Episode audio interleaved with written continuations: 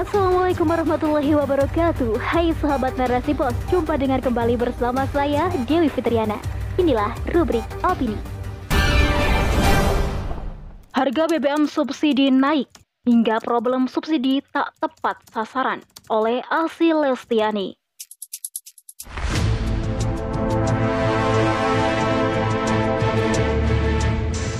Menteri Keuangan Sri Mulyani menyatakan bahwa negara telah mengalokasikan dana subsidi dan kompensasi bahan bakar minyak atau BBM sebesar 502,4 triliun dan berpotensi ditambah 195 triliun, namun masih belum tepat sasaran, di mana sebagian besarnya dinikmati oleh orang kaya. Sri Mulyani menyampaikan dalam konferensi pers tindak lanjut kebijakan subsidi BBM di Gedung Kementerian Keuangan Jumat 26 Agustus 2022 bahwa dengan ratusan triliun subsidi yang diberikan yang mengkonsumsi BBM entah Pertalite, solar atau bahkan Pertamax merupakan kelompok yang justru paling mampu. Sri Mulyani merincikan untuk solar konsumsinya yakni sebagian untuk rumah tangga dan sebagian lainnya untuk dunia usaha, yaitu 98% dari 15 hingga 17 juta kilo per liter dinikmati oleh dunia usaha dan 11 liter dinikmati oleh rumah tangga, sedangkan dari konsumsi rumah tangganya 95% dinikmati oleh rumah tangga yang mampu dan hanya 5% dinikmati oleh rumah tangga yang tidak mampu. Hal ini jauh berbeda untuk jenis Pertalite, di mana total subsidi Pertalite sebesar 93,5 triliun, yakni 86% dinikmati oleh rumah tangga dan sisanya 14% dinikmati oleh dunia usaha. Dari yang dinikmati rumah tangga ternyata 80% dinikmati oleh rumah tangga mampu dan hanya 20% dinikmati rumah tangga miskin. Joshua Pardede Chief Ekonomis Bank Permata pada Senin 29 Agustus 2022 menyampaikan bahwa besarnya konsumsi BBM bersubsidi oleh kalangan mampu dikarenakan mekanisme subsidi saat ini bersifat terbuka dan diserahkan pada produk energi. Artinya, siapa saja dapat mengakses BBM subsidi tanpa adanya pembatasan.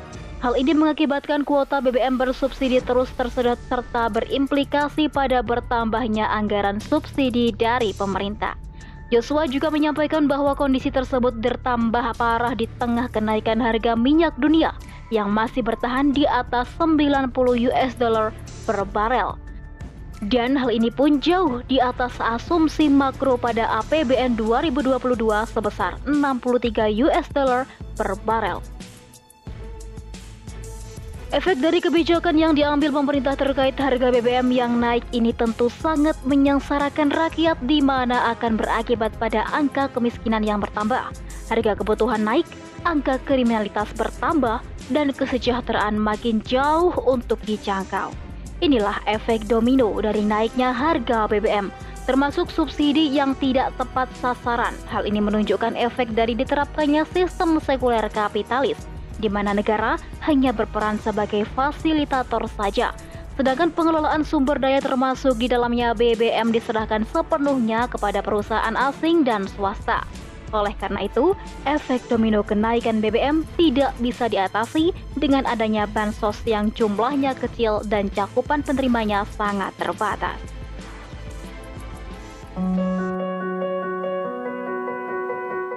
Dalam pandangan Islam, Kekayaan milik umum seperti minyak sawit, bahan bakar minyak, listrik, dan gas, serta sumber energi lainnya merupakan milik umum yang wajib dikelola oleh negara dan digunakan sebesar-besarnya untuk kepentingan rakyat. Rasulullah Shallallahu Alaihi Wasallam telah mencontohkan sifat kebutuhan umum tersebut dalam sebuah hadis. Dari Ibnu Abbas radhiyallahu anhu bahwa Nabi Muhammad Shallallahu Alaihi Wasallam bersabda, Manusia berserikat atau punya andil dalam tiga hal, yaitu air, padang rumput, dan api. Hadis riwayat Abu Dawud. Anas radhiyallahu anhu juga meriwayatkan hadis dari Ibnu Abbas radhiyallahu anhu tersebut dengan menambahkan dan harganya haram, artinya dilarang untuk diperjualbelikan. Ya, barang-barang tambang seperti minyak bumi beserta turunannya seperti bensin, gas, dan lain-lain semuanya telah ditetapkan oleh syariat sebagai milik umum. Pengelolaannya wajib dilakukan secara langsung oleh khalifah sebagai kepala negara yang berfungsi sebagai pelindung dan pelayan masyarakat.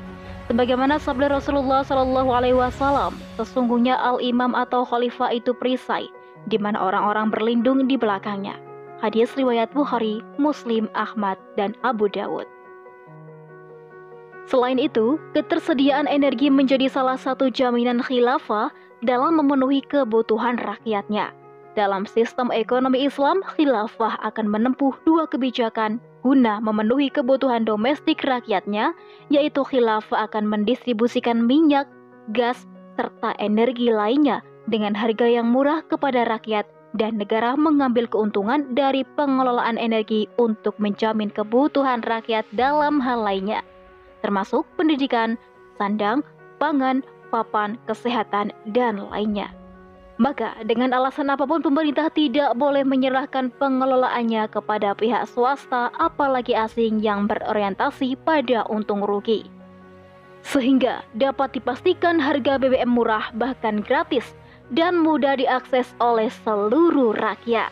Karena BBM berasal dari sumber daya alam migas yang merupakan harta milik umum, maka harta ini tidak bisa dimanfaatkan secara langsung oleh rakyat Harta ini membutuhkan upaya dan biaya untuk pengelolaannya, karena itu negaralah yang mengambil alih tanggung jawab eksploitasinya hingga kilang minyak untuk mewakili kaum muslim. Kemudian hasilnya disimpan di Baitul Mal kaum muslimin. Negara juga akan mengatur distribusi BBM untuk sebesar-besarnya bagi kemakmuran hingga setiap individu rakyat memperolehnya. Karena itulah BBM murah dan gratis hanya dapat dirasakan ketika aturan Islam digunakan dalam mengelolanya. Hal ini hanya dapat terwujud dalam negara yang menerapkan syariat Islam secara kafah, yakni khilafah Islamiyah. Wallahu alam bisawab. Bagaimana sobat? Makin greget setelah dengar opini kali ini? Yuk tinggalkan sistem kapitalisme dan tegakkan sistem Islam. Saya Dewi Fitriana. Sampai jumpa di podcast Narasi Pos selanjutnya. Tentunya di rubrik-rubrik yang berbeda. Tetap stay tune ya. Bye-bye.